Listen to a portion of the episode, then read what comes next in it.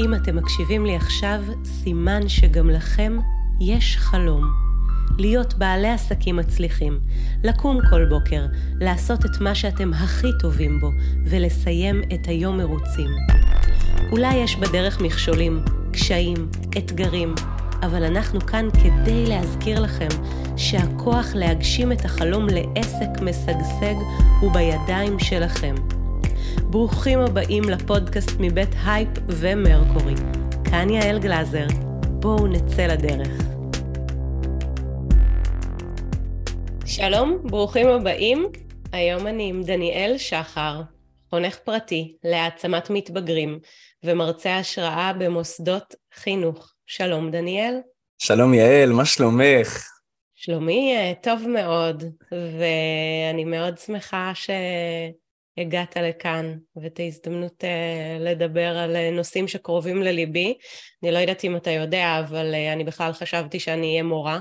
עבדתי בבית ספר לפני שהתחלתי למכור באי-ביי, עוד איפשהו שם ב-2007, אז... יש לנו מחנה משותף ש... האמת שלא היה לי מושג, לא היה לי מושג. טוב לדעת, זה מעניין. ספר קצת uh, איך הגעת לתחום הזה של uh, להיות חונך uh, למתבגרים. וואו, טוב, זה סיפור, זה הסיפור שאני מספר בהרצאות למעשה, לילדים ולנוער ולמורים שאני עומד מולם. אבל זה, זה מעניין, כי אני עברתי סיפור חיים קשוח, מטלטל, אני אובחנתי... אה, בכיתה ד' עם תסמונת טורט, וביסודי כזה, אתה יודע, אתה הכל הלך לי טוב, הייתי ילד מאוד מקובל, גם לא הפכתי את זה למשהו מפלצתי, אז זה לא היה איזה, איזה כזה משהו על הכתפיים שלי. ואז uh, בכיתה ו' קרה לי איזה מקרה ששינה לי את התפיסה לגבי הטורט. את יודעת, אה, זה... פתאום במקום טיקים קטנים, שטיקים זה תנועות, תגובות בלתי רצוניות, מי שלא מכיר, ציוצים, מצמוצים, כל מיני עוויתות כאלו בפנים או בקול, שאני לא יכול לשלוט בהם. ואז במקום ציוצים ועוויתות קטנות, פתאום, את יודעת, מתחילים לי טיקים של צרחות איזה בוקר אחד בכיתה ו'. ואני יושב בכיתה ואני צורח, והמורה, ש... שהייתה מחנכת שלי, שידעה שיש לי טורט, צעקה עליי, תפסיק לנבוח ועוף לי מהכיתה. וזה היה מבחינתי המקרה הראשון ששינה לי את התפיסה וגרם לי להבין שהטורט יש בו איזשהו משהו מפלצתי, היום אני רואה את זה אחרת, שוב, הפרספקטיבה שלי השתנה, השתנתה עם החיים, אבל אה, אבל זו הייתה הפעם הראשונה שהבנתי שהטורט שלי הולך להיות אה, מכשול בחיי, אתגר. ואז אני עולה לחטיבת הביניים, ואני פתאום מגלה את זה על הבשר שלי, כי חטיבת ביניים היא כמו ג'ונגל כזה, שאתה יודע, כל הילדים, כל אחד מנסה להעלות את המעמד החברתי שלו, כל אחד מנסה אה, אה, להיות זה שאומר את המילה האחרונה, אה, ואני נכנסתי למצב שאני השעיר לעזאזל, אפשר לקרוא לזה, ילד מתעוות מיני רבים שהם רגילים כביכול. אה, והייתי עובר התעללויות מאוד מאוד קשות, פיזיות, מילוליות, אה, רגשיות, העללות שווא מיניות, דברים שגרמו לי להיכנס למקומות מאוד אפלים בחיי כילד. אה, הסתגרתי שנתיים בבית, בגיל 13 כמעט שמתי קץ לחיי, את יודעת, רק בגלל שהייתי שונה, בגלל שהיה לי טורט, ואני מספר את זה ממש עכשיו על רגל אחת, כדי להמחיש את המקום הכואב הזה, של איפה הייתי פעם, ומאיזה מקום חשוך ונמוך יצאתי. ואת יודעת, כשעברתי את הדברים האלו, אז כל הזמן הייתה לי בראש השאלה, איך זה ייתכן?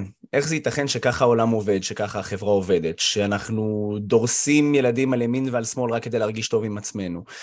והיה לי חבר אחד ששינה לי את החיים, ששלף אותי, תרתי משמע, הגיע עד פתח דלת הבית שלי ושלף אותי החוצה כדי להוציא אותי ממצב איש מערות שמסתגר בבית לילד שיוצא ומתערה בחוץ. והוא נתן לי את ההשראה להיות חונך היום, כי הוא גרם לי להבין שמספיק שיהיה לך מישהו אחד בחיים, שמספיק אכפת לו ממך, והוא, ואתה חשוב לו, והוא אוהב אותך, והוא רוצה בטובתך, אני כמעט ויתרתי על עצמי, והוא לא ויתר עליי. וזה גרם לי להבין כמה עוצמה יש בדבר הזה, ואני זוכר את זה, וזה כל הזמן מלווה את הלמה שלי היום במה שאני עושה, בעסק שלי. והיום אני רוצה להיות החונך הזה עבור uh, מתבגרים צעירים, uh, ילדים ונוער, שחווים את זה, שחווים את הקשיים החברתיים, שחווים את הקשיים הרגשיים, שרואים את העולם בצורה שלילית, שחושבים שהכל לרעתם, שאין להם מספיק חברים, אה, שהיו רוצים להעיז ולעשות ולנסות, אבל אין להם את האומץ או את הביטחון העצמי לעשות את זה. ואני עוזר להם דרך הת... תהליכי עצמה בעצם אה, לשנות את נקודת המבט שלהם לחיובית יותר, להרגיש שהם מסוגלים, לרכוש חוויות הצלחה. וזו השליח... השליחות שלי בעצם, זה, זה מדהים בעיניי. וואו, מאיפה מתחילים? יש לי איזה אלף שאלות אליך. הייתי רוצה רגע לשאול, um, כדי uh, להבין uh, טיפה יותר טוב את הנושא הזה של הטורט. בטח. מה זה? איך זה מגיע? למה זה קשור? איך זה שפתאום בכיתה ו' זה הופך מתופעה אחת להיות תופעה אחרת? איך זה שעכשיו אנחנו כבר פה אה, איזה רבע שעה ועדיין, ואני לא ראיתי שום דבר חריג? איך זה עובד? אוקיי, אז זה מעניין, כי טוב, בהגדרה היבשה, תסמונת טורט, זה בעצם יש לי חוסר איזון במוח של הורמון שנקרא דופמין, שאחראי בין היתר גם על תנועתיות. המוח שלך ושל, ושל אנשים שאין להם טורט יודע מתי להפסיק להפריש דופמין, ואז אומר, אוקיי, יש מספיק אנרגיה בגוף, יש מספיק תנועתיות, enough is enough. המוח שלי לא יודע לעשות את זה, הוא ממשיך להפריש כל הזמן. אז בעצם הגוף שלי נמצא במצב תמידי של אובר תנועתיות. בעצם יש לגוף שלי excessive energy, כאילו אנרגיה יתרה שכל הזמן צריך לחלץ אותה, ואז זה יוצא בצורה של פולסים כאלו, טיקים, מצמוצים בעיניים, עוויתות בפנים, קפיצות ביד או ברגל, נביחות בקול, אה, ויש מין תחושה של הקלה כזו אחרי. זה כמו, זה כמו רעב חושי, הגוף שלי צריך להרגיש ש, ש, שהוא ביצע איזה אקט ששחרר אותו, זה כמו אפצ'י, כמו גירוד אפילו, וזה מרגיש כמו מין הקלה כזו. Um, עכשיו איך רואים באמת את הדיסוננס בין מה שאני מספר לך לזה שאני יושב פה מולך היום ואין שום אה, הרבה עבודה עצמית. זה המון עבודה עצמית שעשיתי לאורך השנים, והטורט גם מתמתן קצת עם השנים, טורט מאוד מאוד מתגבר בגיל ההתבגרות, כי בגיל 13 כל ההורמונים משתוללים, נכנסים, הגוף עובר קפיצות גדילה מאוד משמעותיות. אה, ועם כל הסערה הזאת, אז גם הטורט מתגבר. ואז שם היו לי טיקים, את יודעת, בגיל 13, היום, היום יש לי טיקים של מצמוצים בעיניים, קפיצות בכל טיפה, ואולי יד שנשלחת קצת לצד. אבל פעם, אני מדבר איתך על עוויתות של קפיצות בכל הגוף, עיקום של הגב, עיוותים של כל הצוואר, נביחות אה, וצרחות שהם היו יותר אה, ניכרים לאוזן, ו- ו- וזה משהו שהייתי צריך ללמוד לעבוד עם עצמי, אה, לגמרי.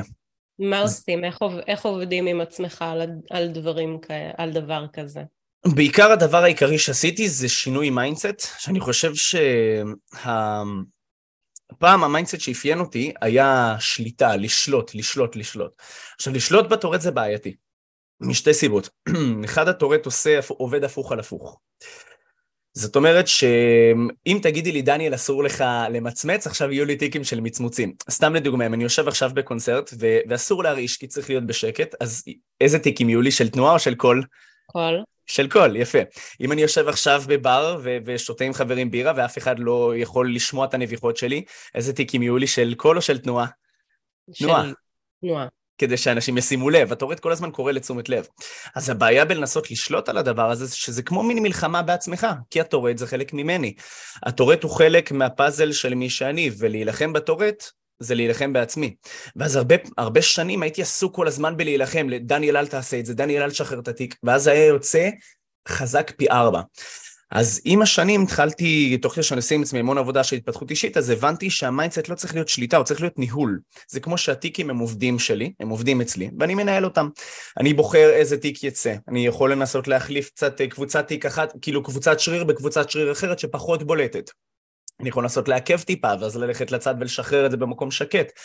לומדים לעבוד עם זה, אבל זה דבר שהיה מאוד מתיש, כי זה כמו דיאלוג עם עצמך, מעל אלף טיקים ביום, שאתה כל הזמן נמצא בדו-שיח עם עצמך. אז זה דרש המון המון אה, עבודה של מודעות, המון עבודה של אה, אה, רגישות וגם חמלה ו- ו- וקבלה עצמית, וזה היו, היו דברים שלא לא, לא קל, כשאני שנתיים עובר התעללויות, היה לא קל, את יודעת. זה mindset שהגיע אליי המון המון שנים אחר כך, רק בגיל 16 התחלתי לעשות את השינוי שלי הלכה למעשה.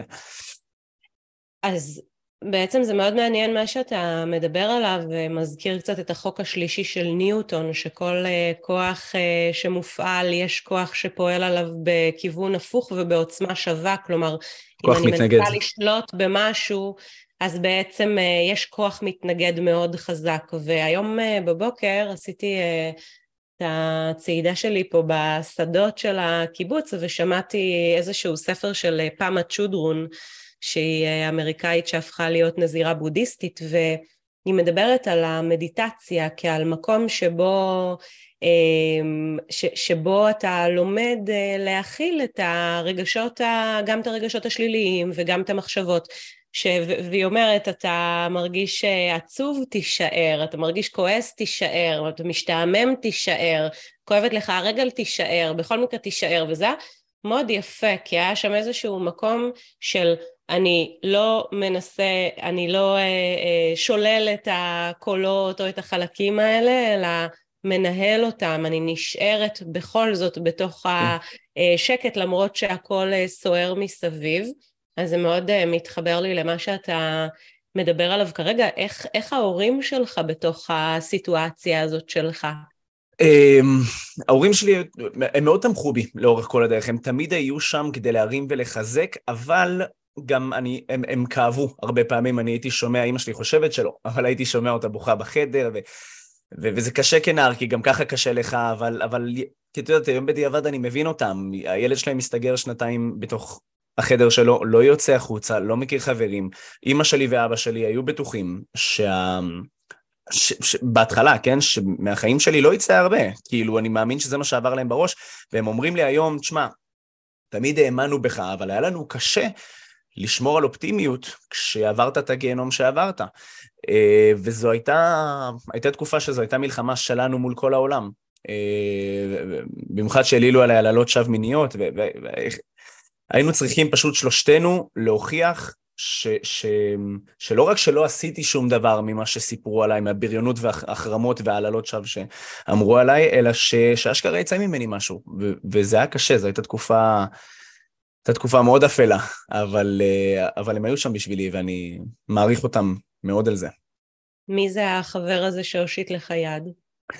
אני, זה רובי בן אליהו, קוראים לו, ואני מספר עליו בהרצאות. אני מספר עליו, אני, אני אפילו שם את ה spotlight עליו בהרצאות מול המתבגרים, כדי שהם יבינו את העוצמה של חבר אמת. לפעמים אני הופך אותו להיות הדמות המרכזית בסיפור, בהרצאה שלי,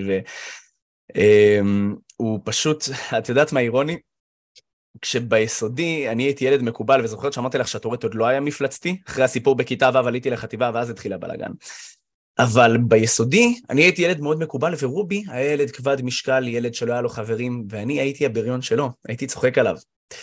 ואז, כשברגע האמת אני הייתי צריך חבר שיהיה שם בשבילי, לא אחר מאשר רובי בא לעזור לי ולהוציא אותי, וזה היה מדהים בעיניי, הוא לימד אותי את המשמעות של הזדמנות שנייה, של המילה סליחה, כי הוא היה אמור להיות הבן אדם האחרון שיבוא ויציל אותי וישלוף אותי מהבית, וזה ריגש אותי עד עומקי נשמתי, כי כאילו, עליי אתה נלחם, אני, אני זה שצחקתי עליך, אני הבכתי אותך ואני השפלתי אותך מול אחרים. למה אתה עושה את זה? ו- ו- ואת יודעת משהו? זה, זה חלק מהלמה המאוד חזק שלי היום, כי אני הייתי בצד של הבריון והייתי בצד של הקורבן, ואני יכול להעיד שאף אחד משני צידי המטבע האלו הם לא מקום טוב להיות בו. וזה נותן לי היום את ההבנה, כשאני עובד באמת עם החניכים שלי, אז אה, הם מרגישים את האמת שיוצאת ממני כשאני מדבר איתם מהמעיים שלי על בריונות, על כאב, על סבל, על, על דברים שהם חווים ביומיום שלהם. שפתאום בואנה, יש מישהו שמבין אותם. יש מישהו שמבין אותם בגובה העיניים, יעל, והוא לא בא להתפלסף עליהם ולא בא עכשיו לשבת איתם לשיחה אה, אה, פסיכולוגית, הוא, הוא בא אשכרה לדבר איתם מלב אל לב, מהמקומות הכי אמיתיים של מישהו שהיה שם, וזה חונך, זה מנטור, זה מישהו שעבר את מה שהוא מלמד. וזה מדהים. אני, אני זה, זה מדהים. אני uh, עוד uh, רגע סקרנית לשאול אותך הרבה דברים בטח. על החניכה עצמה, אבל הייתי רוצה עוד רגע להתעכב על uh, רובי. שבא ויום אחד אה, דופק על הדלת, ו- ומה קורה שם ברגע הזה? וואו, אני, אני זוכר את הסצנה הזו, אני ישבתי ושיחקתי במחשב, זה היה ערב שישי, מה עוד היה לי לעשות? הייתי כל היום אה, בגיימינג, זה מה שהייתי עושה יממה, ו... ואז אני שומע שלוש דפיקות בדלת של הבית. ואז אני זוכר שאני קם מהמחשב, אני מזנק ממש בבהלה, ואני מתחיל ללכת הלוך ושוב בחדר, ואני מתחיל להחזיק את הפנים, ואני ואני כבר נכנס לסטרס, מישהו בא לקחת אותי, מישהו בא לקחת, כאילו מלאך המוות מחכה לי מחוץ לבית, רק שלא יוציאו אותי מהחדר. ואז היה לי איזה קול בראש, זה הקול אגב שאמר לי לא להתאבד בגיל 13, כשכמעט עשיתי את זה, הופיע לי שוב קול בראש, תקראי לזה היקום, אלוהים, איך שתרצי אה, לראות את זה, ו- ו- ואז פשוט שתקתי לרגע, הצמדתי את האוזן לדלת החדר, ואני שומע את אימא שלי קמה, ומהמסדרון אני שומע אותה צועדת ופותחת את דלת הבית לרובי. ואז אני שומע אותו אומר לאימא שלי את המילים הבאות. הוא אומר לה, מגי, אני לא זז מכאן עד שדניאל בא ויוצא איתי החוצה. ואם הוא רוצה לסנן אותי כמו שהוא עושה לי בטלפון, שיבוא, יעמוד לי מול הפנים ויסגור לי את הדלת בפרצוף.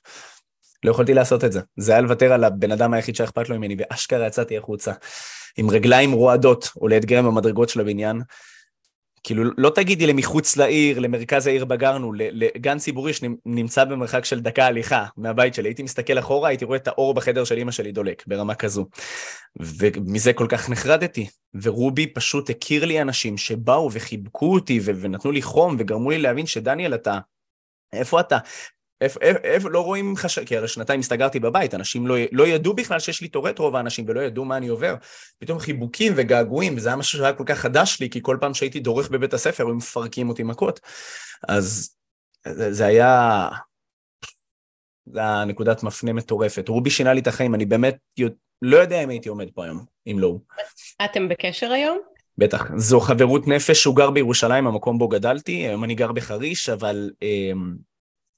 אה, זה לא, זה לא מפריע לנו, זה כאילו, לא ניפגש שנה, ואז פתאום ניפגש, וזה יהיה כאילו מעולם לא הופרדנו, כאילו נפגשנו אתמול, זו חברות שהיא היא, היא בנפש, היא משהו אחר, זה לא... זה מעבר. זה אני, אני, אני תמיד בהרצאות שאני מציג אותו, את, את הסיפור עליו, אז אני אומר, אני רוצה לספר לכם על מישהו שהוא לא רק חבר שלי, הוא לא רק כמו אח בשבילי, הוא מלאך בשבילי. אני רוצה לספר לכם על רובי בן אליהו. וזה, וככה אני מציג אותו, כי הוא באמת מבחינתי איזושהי דמות מלאכית שנשלחה לחיים שלי, הוא פה מסיבה מסוימת. אה, ואני אשא את השם שלו לכל מקום, כל החיים, מול כולם. ואז מתחיל בעצם התהליך של, אה, של, של הגילוי, של פתאום לראות שלא יכול להיות שיש רק אה, חושך, אנחנו חיים בעולם שבו חוק הדואליות קיים, יש קור וחום, יש בדיוק. חיים ומוות, יש למעלה ויש למטה, ויש חושך, אבל באותה מידה יש אור, זה פשוט שאנחנו צריכים להפנות לשם את המבט, איך, איך הגילוי הזה קורה. אמ, אז קודם כל, אני מאוד מאוד מסכים איתך עם חוק הדואליות, אני גם תמיד אומר שהכל יחסי, אני אומר שלא היינו יודעים להעריך את האור אם לא היה בנו חושך, ולא היינו יודעים לדעת מה זה גדול אם לא היינו יודעים מה זה קטן. הכל בסופו של דבר זה יחסי, והיכולת שלי אה, אה, להבין מאיפה באתי, גם גרמה לי להבין בגיל 16 לאן אני יכול לצמוח. פתאום הדואליות הזו לקחה אותי לקצה השני של הסקאלה, והבנתי, רגע, אם הגעתי במקומות כל כך אפלים ושרדתי, לאן אני יכול לשגשג? וזה היה מבחינתי משהו מטורף. עכשיו, איך זה קרה? רובי הוציא אותי החוצה, הוא הכיר לי אנשים, הוא, הוא דחף אותי פיזית על מי שהייתה החברה הראשונה שלי אז, כי לא העזתי לומר לה מה אני מרגיש, הוא ממש, הוא, הוא, הוא פשוט פיתח אותי חברתית, הוא גרם לי להבין שאני יכול להיות אחד מיני שווים, ואז כשהתחלתי להבין שיש לי פוטנציאל ו- ואני יכול להצליח חברתית, בגלל הפרויקט החברתי שרובי הפך אותי להיות, אז שם ההורים שלי היו מאוד מאוד חכמים, והם ניצלו את הפרצה הקטנה הזו, שהם ראו שדניאל מתחיל לצאת החוצה, והם שלחו אותי לאיזושהי פעילות מחוץ לבית, משהו שיערה אותי בעולם שבחוץ, והם ידעו שתמיד היה לי מקום חם בלב לסוסים. תמיד אהבתי סוסים, הם ריתקו אותי, החיה המדהימה הזו. ואז בגיל, בגיל 15-16 בערך, בפעם הראשונה עליתי על גב של סוס. הנה הטיקים, זה מרוב ההתרגשות זה מתחיל. ו... אני יושב על גב של סוס, ויהיה לי במשך חצי שעה, אני רוכב אפילו לא למטרה טיפולית, למטרה כאילו של בילוי בלבד. וזה היה לא נורמלי, זה, זה שינה לי את התפיסה, אני יושב על חיה ששוקלת 500 קילו, חצי טון, והיא נותנת לי, הקטן, המתעוות, היא נותנת לי את המנהיגות. אני יכול להגיד לחיה ששוקלת חצי טון לאן לפנות, ימינה, שמאלה, קדימה, אחורה, לרוץ, לדהור, מה שאני ארצה עושים. זה גרם לי להבין כמה עוצמות יש בי, ואז הבנתי, רגע, אם אני יכול לנווט חיה ששוקלת 500 קילו, אני בטח יכול לנווט קול פה, קול שם, מצמוץ פה, מצמוץ שם. כמה כוחות יש בי. הסוס נתן לי העצמה אישית כל כך גדולה, שהוא שינה לי את ה mindset, זה, זה, אם רובי הוא העצמה החברתית, אז הסוס היה העצמה האישית, והוא, והוא גרם לי להבין ש, כמה כוחות יש בתוכי. להנהיג, פה התחלתי להסתכל על זה כלהנהיג, ולא כלשלוט, כי אתה גם לא יכול לשלוט בסוס. סוסים לימדו אותי שיעור מאוד חשוב, זה חיה שוקלת 500, טון, 500 קילו, סליחה, אם היא תרצה להעיף אותי, היא תעיף אותי. אני לא יכול לשלוט בה, אני יכול לעודד את שיתוף הפעולה שלה, אני יכול להתחבר אליה ברמה האנרגטית, אני יכול לנהל ולהנהיג אותה, אני לא יכול לשלוט בה. ו- ושם התפיסה שלי התחילה להשתנות. עשיתי את זה במשך שבע שנים, את הרכיבה הטיפולית, מוצבתי מצניעות בין הטובים בארץ עם, עם הופעות במדיה, בטלוויזיה, בעיתונות, כי עשיתי את מה שעשיתי ממקום בוער. התחלתי להבין שאני יכול לשנות עולם, התחלתי להבין שיש לי את, היכולת להשפיע על ילדים ונוער אחרים, ורציתי את זה, רציתי ליצור עולם טוב יותר לחיות בו, ולא את העולם המגעיל הזה ש, ש, שכל היום דרסו אותי ודרכו עליי, כי, כי לא יכולתי לסבול שזה ייראה ככה. אמ, ו, ואני חושב, אנשים מסביב ראו את זה, וראו את המוטיבציה ואת הרעב שהיה לי להצליח, ו... טוב, אנחנו כבר מגיעים לדבר על הגישה שלי עכשיו, על החונכות, להמשיך? נכון, נכון. אז רגע אחד אנחנו זה. נעשה עצירה קטנה לחסות, ומיד נחזור. התוכנית בחסות מרקורי, המספקת שירותי פיתוח, הקמה ושיווק של חנויות אינטרנטיות לקידום מכירות אונליין. ובחסות הייפ, פתרונות תשלום מתקדמים לעסקים. הייפ, אתם תדאגו לעסק, אנחנו לעסקה. אז הנה חזרנו, ווואו, אמ, מאוד uh, מרגש uh, לשמוע את התהליך שעברת, ובעיקר את היכולת הזו של לא לוותר uh, על עצמך, החלק הזה, הקול הקטן הזה ש... שאומר, יש שם בכל זאת משהו, יש שם בכל זאת משהו שעוד לא גיליתי, וללכת uh, לחפש אותו. וזה מאוד מעניין כי um, ראיתי, אה, כש, כשככה התחלנו להכיר והתחלתי לעקוב אחריך באינסטגרם וכל מי שמקשיב אני מזמינה אותו גם אה, לעקוב אה, באינסטגרם כי הילדים שלי עוד, הבת שלי 11 היא בדיוק בפתח גיל ההתבגרות, הם עוד לא שם אבל הנושא החינוכי מאוד מעניין אותי והאופן שבו אתה מגיש את הדברים באינסטגרם הם כל כך יפים ומרגשים, הם רלוונטיים אה, לכל אדם, גם אם אה, הוא לא הורה או גם אם הילדים שלו אה, קטנים, ואז בעצם ככה הכרתי אותך וראיתי את הדברים היפים, ובעצם המשפט ש... ראיתי שם שכתבת זה להצליח בזכות הקשיים. ו, ואני חושבת שיש איזשהו אה, משהו, אני חוזרת לספר שלי של אה, פאמה צ'ודרון, שאני מקשיבה לו באודיבול, שהיא מספרת שיום אחד הם הגיעו לאיזשהו מקום שבו הם עשו ריטריט, והם התחילו להכות באדמה כדי לבנות איזשהו מבנה, והם נתקלו באבן ממש קשה. אמ, והם המשיכו אה, להקיש עליה, ואז באיזשהו רגע נסדק סדק בתוך האבן והתחילו לצאת מים. ולאט לאט המים הלכו והתגברו, וזה ממש הפך להיות uh, כמו uh, מעיין נובע, כלומר המים המשיכו לצאת משם בשטף. וזה כל כך יפה, כי כשאנחנו נתקלים ביום יום באבן הקשה הזו, זה מאוד קשה אה, לדעת שאם נחצוב עוד קצת, אם נתעקש בכל זאת, ייפתח הסדק הזה, המים יוכלו לצאת אה, החוצה.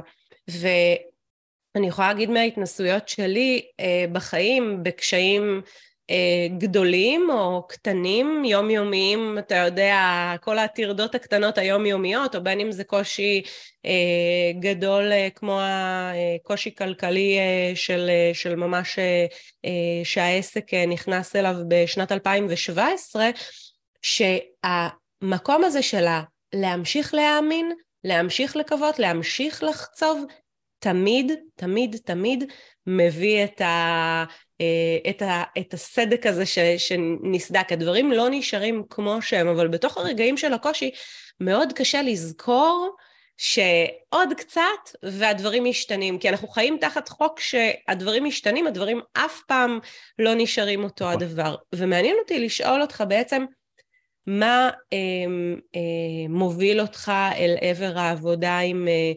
מתבגרים, מה, מה הגישה שלך, איך זה בא לידי ביטוי, כל התהליך הזה שעברת לכדי מה שאתה היום בחיים הבוגרים. מהמם, אה, שאלה מצוינת. אז אה, להצליח בזכות ולא למרות הקשיים, שזה המשפט שאני תמיד אומר, זה משפט שבא, זה, זה כמו, זה המנטרה שלי, וזה משפט שבא להגיד, הקושי שלך יכול להיות מה שיקדם אותך. יש לזה עוד, שם יש לי עוד מנטרה שאני אומר, יש לי את להצליח בזכות ולא למרות הקשיים, ויש לי את להבין שהקושי יכול להיות מה ש... אה, הקושי, סליחה, לא צריך להיות מונע הצלחה שלך, הוא יכול להיות מנוע הצלחה שלך. אז זה ממונע למנוע. אז יש, יש פה איזשהו, איזושהי יכולת של להבין שהקושי שלך יכול להיות משהו טוב, משהו שעוזר, משהו שמקדם אותך. ואיך זה בא לידי ביטוי? אני יכול לתת לך למשל את הדוגמה הכי יבשה, וזה עוד לפני החונכות בכלל, לפני שיצאתי מהסוסים לחונכות, שזה מה שאני עושה היום. קודם כל נתחיל בזה שבמשך שבע שנים חקרתי את, את, את היסודות, את מה, מה גורם לילדים להימשך, מה גורם, מה, אני רואה שילדים נקשרים אליי חמש דקות, וילד פשוט שופך את כל נבחי נפשו מולי, ואני כאילו, רגע, אתה מכיר אותי חמש דקות? מה אני עושה פה נכון? כי הבנתי שאני מצליח ליצור עם ילדים מערכת יחסים מאוד חזקה, מאוד מהר. והגישה שלי, לב למען הצלחה, התחילה בכלל בהתחלה כגישה שמטרתה לבנות אמון מהיר. ועם הזמן, תוך כדי שאני חוקר את זה, אני מבין שיש פה משהו מעבר לזה, אני מקדם אותם להישגים מאוד מאוד גבוהים. אז התחלתי לחקור, ואני, תוך כדי שקליפות הבצל מתקלפות, אני מבין שבליבה של הדבר הזה יש חמישה יסודות שאני עובד איתם באופן פעיל בכל מפגש שלי עם ילד ונער. ואז עם הזמן אני גם רואה שילדים בסוסים, ברכיבה, באים ומבקשים ממני בקשות שלא קשורות בהכרח לגב סוס. דניאל, בוא נעשה טורניר כדורגל היום. דניאל, היום בא לי לצאת לחקור חרקים. ואני לא יכול, כל אחד והקטע שלו, ואני לא יכול לאפשר להם את זה, כי ההורה משלם על רכיבת סוס, וגם מההנהלה נתנו לנו את ההוראה רק להרכיב אותם על הסוסים. אז הרגשתי שהפוטנציאל שלי מוגבל, ואמרתי, אני חייב למצוא פלטפורמה אחרת, לבטא בה את הגישה שלי, את החמישה יסודות שלי. ואז התחלתי לחפש, ואני מחפש בתחומי הטיפול, לא בדיוק מוצא שם. הלכתי לקואוצ'ינג, היה קרוב, אבל עדיין לא לגמרי, היה חסר לי משהו קצת יותר פעיל, פחות אה, שואל, יותר עושה. ואז אני פוגש בארגון בארצות הברית שנקרא Big Brothers Big Sisters, ארגון ענק ששם בעצם זה נפוץ בטירוף, וזה היה בדיוק זה. זה בעצם מערכת יחסים שהיא חברית, זה כמו אח גדול, זה החיבוק החם והאוהב, זה מערכת יחסים שהיא לא פורמלית, מערכת יחסים שהיא, ש, שהיא עושה, אתה עושה הכל עם, עם הילד, היום עם, עם החניכים שלי, אני, אני מזיע איתם בכדורגל ואני מפרק את הגוף בשבילם, ואני עושה איתם אתגרי חשיבה או אסטרטגיה או שיתוף פעולה או אמון, כל מה שאנחנו עובדים עליו, אין, אין את טכניקת הכורסה והספה, זה הכל עשייה משותפת ביחד, נפסלים ביחד, מצליחים ביחד. וזה מתחבר לנו למקום של להצליח בזכות ולא למרות הקשיים. ואני רוצה לספר לך סיפור קטן שימחיש בדיוק את זה, אוקיי? אחד החניכים שלי, היה לו שיתוק מוחין ברגל שמאל. הייתה לו, הרגל שלו הייתה משותקת למחצה, והוא היה פשוט צולע קלות על רגל שמאל, אבל היו מבחינים בזה. זאת אומרת, וראיתי שכשאני הולך איתו ברחוב, אנחנו מסתובבים והכול בשכונה שלו, והוא רואה ש... הוא רואה שכשחבר'ה בני גילו עוברים לידו, הם מסתכלים, והוא, וראיתי שהראש שלו כזה יורד אוטומטית כזה במבוכה כל פעם שקולטים שהוא צולע. ואמרתי, לא, לא, לא, אני לא מאפשר לו להתבייש בקושי שלו, אני עברתי את זה מספיק, לא נותן לחניך שלי לעבור את הדבר הנוראי הזה. אז אמרתי שאני אזום אתגר בקרב כל החניכים שלי. אני, החונכות שלי היא, one on one, אז פשוט כל פעם אצל חניך אחר עשיתי את זה וניהלתי טבלת נקודות. האתגר היה כזה, הם צריכים לשבת על כיסא ולהושיט את שני הרגליים לקדימה. אה, שתי הרגליים לקדימה, ולאט לאט אני מתחיל להעמיס עוד ועוד משקל על הרגליים. אני מתחיל לשים חישוקים, ואני מתחיל לשים קונוסים וכל, ו, ומשקולות רגליים, וכל מיני אביזרים שהולכים והופכים את זה ליותר קשה. ואז אני מנהל בעצם טבלת נקודות נגד הזמן, מי מצליח להחזיק הכי הרבה זמן ככה לפני שהוא נשמע. הרגליים באוויר. הרגליים באוויר, נשארות באוויר כל הזמן. וכל החניכים שלי, אחד האחר שלי, דניאל, זה קשה, מתי מסיימים, הרגת אותי, זה זה. ואז, אה, בקטע טוב, כן, הם צוחקים, נהנים מזה. ו... ואז יש את הבחור הזה. כשכולם נשברו אחד אחרי השני, אחד השלישי, אה, אחרי השלישי, בקצב יחסית מהיר, הוא יושב שם, יעל, איתן כסלע. עכשיו, למה? בגלל שהרגל שלו, שהייתה משותקת למחצה, הרגישה 50% פחות כאב. אז הוא ישב שם עם הרגליים מושטות קדימה כמו קינג, הוא שבר את השיא של כולם בפער, וכשאני מספר לו שהוא הצליח לנצח את כולם בזכות הרגל שלו העוצמתית הזאת, והיית רואה את החיוך על הפנים שעלה לו באותו רגע, אז היית מבינה. ואז להצליח בזכות הקשיים, ואז אתה רואה פתאום את השינוי בגישה כשהוא הולך והוא מבין שהרגל שלי, שהיא משותקת למחצה, היא בכלל עוצמה, היא כוח, היא יתרון. זה להצליח בזכות הקושי, זה להבין שהקושי שלך יכול להיות משהו מקדם, משהו שיעזור לך לנצח. וזה, ו, וזה גם, אני לוקח את זה איתי גם עם הטורט לכל מקום. את יודעת, כשהייתי מקבל ילדים בהתחלה ברכיבה טיפולית בתחילת הדרך שלי, אז זה היה בא אליהם ילד, ולפעמים יוצא לי, עכשיו, את יודעת, אז הייתי ממנף את זה, במקום להתבייש בזה, או להרכין את הראש, או להתנצל על זה, אז הייתי הופך את הנביחה ל... מה קורה הלופ שלי באנרגיה, והייתי מרים אותו ומקפיץ אותו, הייתי מניף את הכל לאנרגטיות, לעוצמה, ל... וזה היה קונה אותם, הם היו מתלהבים מזה, הם היו מחכים רק שאני אקבל אותם עם כל הבום הזה של אנרגיה, כי זה ילדים. וזה זה, זה לקחת את הקושי, פשוט להשתמש בו כמה שמקדם אותך. מה עם החמישה יסודות?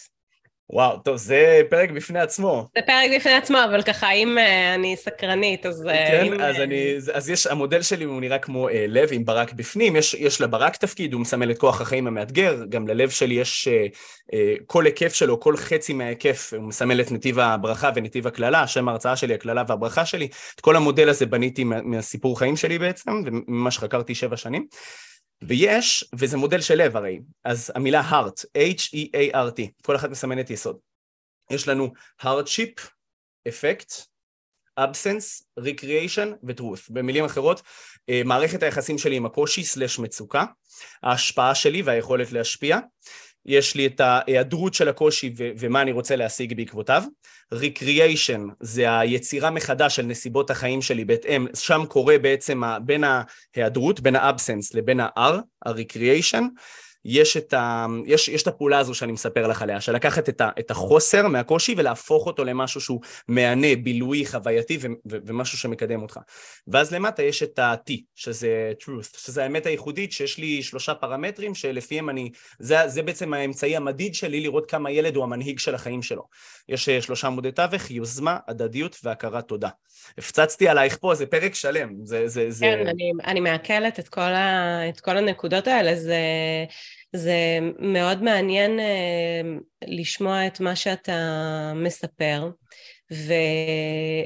וכמה בגיל ההתבגרות, בעיקר בתקופה שבה אנחנו חיים, החיים הם לא, הם הרבה פחות פשוטים, כלומר הרבה פחות פשוט להיות מתבגר היום אה, בתקופה הזו על פני אה, תקופות uh, שעברו, אני חושבת שזה תמיד גיל מאתגר, אבל בתקופה הזו כשיש כל כך הרבה יותר גירויים שהם uh, uh, מקום להשוואה, הפגיעה בביטחון וביכולת לגדל משהו עמיד מבחינה פנימית היא קטנה, וזה שיש מישהו כמוך שיכול לבוא ולהושיט יד, זאת כזאת...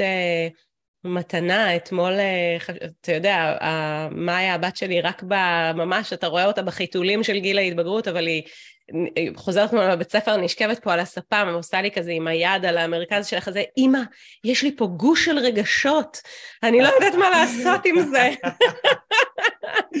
אוי, גדול. היא תיארה את זה ממש יפה, גוש של רגשות, זה חזק. אז... אה, אגב, אני חייב... אני חייב רק לומר משהו, כי מקודם, בהתחלה אמרת משהו ש, של גיל ההתבגרות גיל 13, היום גיל ההתבגרות מתחיל מגיל 8, מחקרים מראים שהוא מתחיל מגיל 8, הוא מסתיים בגיל 25. הגוף שלנו ממשיך להצמיח שיני בינה עד גיל 25, הוא עוד לא סיים להתפתח. אז היום אני עובד עם מתבגרים צעירים שזה 8 עד 13 דווקא, זו ההתמחות שלי. זה ההתבגרות הצעירה, שיא גיל ההתבגרות הוא מ-13 עד כזה 16, ב-16-17 נכנסים לגיל ההתבגרות המאוחרת, שהוא נמשך כבר כמעט עשור. אז אה, אתה אומר ששלוש... אז אתה אומר שאחת היא כבר. היא בגיל ההתבגרות, היא בגיל ההתבגרות. חד משמעית, היא, היא התחילה כבר, היא הייתה שם, היא נכנסה אז, כבר. אז, אה, אז זהו, אז אה, דבר ראשון שלחתי אותה לסיבוב על רולר בליידס בקיבוץ להוציא קצת אנרגיה, את אה, זה, ואז דיברנו והתחלנו לפ, לפרום את הגוש הזה, ל, את, את, את הפקעת חוטים של הרגשות הזו. אז מה, מה מאפשר לך היום לבוא ולפגוש את ה... את המתבגרים, זה גם אתה פוגש גם בנים וגם בנות? כלומר... נכון, כן, כן, יש לי מגיל 8 עד 17 פשוט הקהל יעד שלי הוא לרוב בנים, כי את יודעת זה מודל לחיקוי ובן מתחבר לבן עם תחומי העניין וכזה, אז, אז לרוב זה יחס של 80-20, אולי 90-10, אבל uh, כן, גם וגם יש. ובכל הארץ אתה מגיע לכל הארץ. מקום? אני מגיע עד לבית, של ה, עד לבית של החניכים, עד לבית של ההורים, לגמרי, נוסע, עובד בכל האזור של השרון, כל האזור של המרכז, רק תבחרי עיר, יש לי שם חניך. ומה אתה רואה בתהליך עבודה עם המתבגרים? כלומר, מה, מה יש שם? מה קורה שם? אז קודם כל את רואה מתבגרים שמתחילים אה, לדבר על עצמם בצורה מקדמת. זה מפסיק, זה, זה מפסיק להיות וואי הכל לא הולך לי, או משפטים כמו אוף איזה גרוע אני, או אתה יודע, זה, זה מפסיק הקטע הזה של ההלקאה העצמית הזו, שכל הזמן אתה רק מנסה להוריד או, או לחפש איפה אתה לא טוב, ואתה מתחיל פתאום לראות איפה אתה כן טוב. עכשיו אני מאמין שדימוי עצמי, הצורה שבה מתבגר תופס את עצמו, זה הליבה והמקור של הכל. ברגע שאני אתחיל לגרום לילד או לנער או לילדה או לנערה, להתחיל לדבר על עצמם בצורה מקדמת, חיובית, לראות את עצמם באור טוב ולהתחיל לתפוס את עצמם כצ'מפיונס, את יודעת, כאלופים, כמוצלחים, זה מקרין על הכל. ואז חברתית, את רואה אותם יוצאים יותר החוצה ומתארים יותר בחוץ, את רואה אותם אה, ברמה הרגשית פחות מתוסכלים, הם יותר חסינים לכעסים, ואת סף התסכול שלהם הרבה יותר גבוה, לא מתפוצצים כל כך בקלות, הם הופכים להיות הרבה, רמת המודעות שלהם עולה, מודעים לתחושות שלהם, לרגשות שלהם, כי אני מנחיל להם את המסרים האלו. שאני עברתי על בשרי בעצם, אה, ו- ומתחילים, אה, את רואה שם צמיחה בכל הרבדים, את רואה שם צמיחה בפן האישי, בפן הרגשי, בפן החברתי, אה, אפילו, את יודעת, אפילו ברמה הלימודית, סליחה. את, את יכולה לראות uh, גם uh, שהם מתקדמים יותר ברמה הלימודית, יש להם יותר מוטיבציה, הם יותר משקיעים בעצמם, בין אם זה בתחביבים וחוגים או בין אם זה בלימודים, uh, כי אני גורם להם להרגיש שהם מוצלחים, אני מייצר להם מסוגלות, אני עוזר להם לרכוש חוויות הצלחה, ו- ומתבגר שמרגיש מוצלח, הוא מתבגר שהרבה יותר קל לו להצליח, גם ברגעים הקשים יותר. תגיד, אבל זה לא אה, קצת, נניח שאתה בא ועובד עם המתבגר, אבל הרבה פעמים הבעיה היא לא אצל המתבגר, הבעיה היא אצל ההורים של המתבגר. נכון. איך זה, איך זה קורה? כלומר, איך אתה משפיע אה, על המתבגר בלי לעבוד עם ההורים? אז ככה, כאילו, קודם כל, עם השנים, גם, אתה יודע, גם ברכיבה טיפולית הייתי כל הזמן בקשר עם ההורים, וגם כשפתחתי את העסק שלי של החונכות לפני שנתיים, אז, אז גם שם הייתי בקשר עם ההורים. אז יש לי ידע ב, ב, באיך לתת הכוונות כאלו ואחרות ספציפיות להורים. אבל אני כן מסכים איתך שברגע שזה הופך להיות כבר, שההורה הוא כבר המקור של הדבר הזה, שהקושי הוא בכלל לא של הילד, הוא רובו, רוב רובו של ההורה, של הצורה שבה ההורה מתייחס או, או, או מחנך או, או עושה איזה שהן אינטראקציות שהן שהן לא, לא בריאות לילד, אז אני מפנה את ההורה להדרכת הורים. זה למה מלכתחילה יש לי בעצם שיחת התאמה עם המתעניינים שלי, כדי לגרום להם, אה, כדי לשמוע מהם ולגרום להם להבין בעצם האם הקושי נמצא אצל הילד, או שיש פה קושי בהתנהלות שלך מול הילד. זאת אומרת, יש, אה, אני עוזר לילד להתמודד עם הכעסים שהוא חווה, אבל אם יש הבדל בין ילד שחווה כעסים ותסכולים עם עצמו, לבין ילד שחווה תסכולים וכעסים כי ההורה מצית כל פעם איזושהי נקודה שם, וההורה צריך לקבל איזושהי הכוונה והדרכה. ואני לא מדריך הורים. אתה לא מדריך הורים. לא למה? מדריך הורים. כי אני יותר נהנה לעבוד עם המתבגרים, זה הנישה שלי, ואני גם מאוד מאמין בלייזר פוקוסט, אני מאמין ב- ב- בלהיות הכי טוב שאני יכול להיות בנושא מסוים. אני, אני רוצה להיות הבסט של הבסט בעבודה עם הילדים והנוער, אה, ואני יודע שברגע שאני אמקד את האנרגיות שלי גם בעבודה עם מורים, אז זה יפחית את הפוקוס שלי, אה, כי הרי יש לנו משאבים מוגבלים, אנחנו יודעים את זה, של אנרגיה וזמן, וברגע שאני אתחיל אה, להעביר את הדבר הזה להורים, ולחלק את זה, אז זה אומר שהילדים יקבלו פחות, ואני רוצה שהם יקבלו יותר. אתה גם אה, אבא יחסית אה, טרי, מזה 11 חודשים, איך זה בעצם להפוך להיות אה, אבא? וואו, זה עכשיו זה השיעורים של להיות אה, הורה, את יודעת, שאומרים לי, אומרים לי חכה שהוא יהיה בגיל ההתבגרות, אני אומר, רק שיגיע לגיל ההתבגרות, עם הגילאים האלה אני יודע לעבוד. שהוא תינוק קשה לי, עם הגילאים האלה אין לי ניסיון, אבל כאילו, רק שיגיע כבר. אה, אני, כן, זה, זה מאתגר מאוד להיות אבא לתינוק, הוא אה, בן 11 חודשים אתמול, אוטוטו שנה, אני לא מאמין איך הזמן טס. אה, נכון ל-13 למרץ 23, שזה היום הולדת שלי היום? מזל טוב, נכון, נכון, נכון. תודה רבה. ואיזה מושלם זה שהיקום סידר לי פרק איתך ביום הולדת הזה. אז אה, כן, אז זה מאתגר לי אותה בצעיר, אה, אבל זה כיף, וואלה, עכשיו אני לומד את זה על הבשר שלי, את הדברים האלה. מה אתה מאחל לעצמך, אם כבר אנחנו בעניין היום הולדת? וואו, אה, מאחל לעצמי תמיד להיות uh, מאושר, תמיד לעשות את המשפחה שלי מאושרת, את אשתי, את הילד שלי. Um, אני גם בן אדם שמאוד חשובה לו הקריירה. Uh, אני עושה הקרבה מאוד גדולה בשביל המשפחה ו- ושם את הקריירה בעדיפות מאוד מאוד גבוהה. Uh, אז אני מאחל לעצמי גם בפן העסקי להמשיך ולצמוח, ויש לי כמה מטרות בהמשך הדרך, בין אם זה למלא כנסים פיזיים שדיברנו על זה, ובין אם זה... אה, בעצם לפתוח את הבית ספר הראשון בארץ להכשרת חונכים בגישה שלי, שזה משהו שלא קיים, וזה משהו שהולך להיות מדהים, וזה בעבודה, זה בתוכניות, זה בליטושים אה, ותכנונים, וזה יגיע גם כן. ואני מאחל אה, לעשות שינוי, יותר מהכל, מאחל לעשות שינוי בעולם הזה, אני מאחל שהילדים והנוער שגדלים היום, יגדלו להבין שהקושי יכול להיות uh, מנוע הצלחה ולא מונע הצלחה, שהם יכולים להצליח בזכות הקשיים ולא סתם כקלישאה, כי כמו ששמענו בפרק הזה, זה באמת מה, מה, מהמקום הכי הכי עמוק שלי. Um, ואני באמת מאמין, אני באמת מאמין שאפשר ליצור חברה טובה יותר כשכל מתבגר מרגיש טוב, מרגיש, מרגיש מוצלח, אז את יודעת, האדוות הולכות ו- ומתרחבות להן, ו- ופתאום האחד מתייחס יותר יפה לשלושה חברים הקרובים שלו, וזה ממשיך ונותן את זה הלאה, וכולנו מרגישים טובים ומרגישים שיש לנו מקום בעולם הזה, שאנחנו מיוחדים וצבעוניים וייחודיים, והקושי הוא לא דבר להתבייש בו, זה הדבר שאני הכי רוצה שהם ידעו. הקושי שלך הוא הדגל שלך, תרים אותו בגאווה, ותהיה גאה במי שאתה, כי בלי הקושי שלך היית עוד בן אדם אפור, אף אחד לא רוצה להיות אפור. וואו, מדהים, מה אני אגיד? קודם כל, אמן שכל ה... התפילות שלך הם אה, תקווה בשבילי, ו... ושאמן ש... שכולם יתגשמו. אה, תמשיך לעשות את כל הטוב הזה, זה אחד הפרקים הכי מרגשים שהקלטתי, ואני מאחלת לך באמת את כל מה שביקשת, ואני רוצה להגיד לך המון תודה על הפתיחות והכנות והחשיפה, ו- ותודה על כל מה שאתה עושה בשביל כל הילדים שם מסביבנו, שבוודאות זקוקים למישהו כמוך. באהבה, ואני רוצה גם להודות לך על, הבמה ועל ההקשבה, ועל לבוא ולשתף ולהפיץ קצת את הבשורה וכל מה שאפשר לעשות כדי אה, לקדם את, השאיפה הזו ואת החזון הזה, אז באהבה. תודה רבה. תודה, יעלי.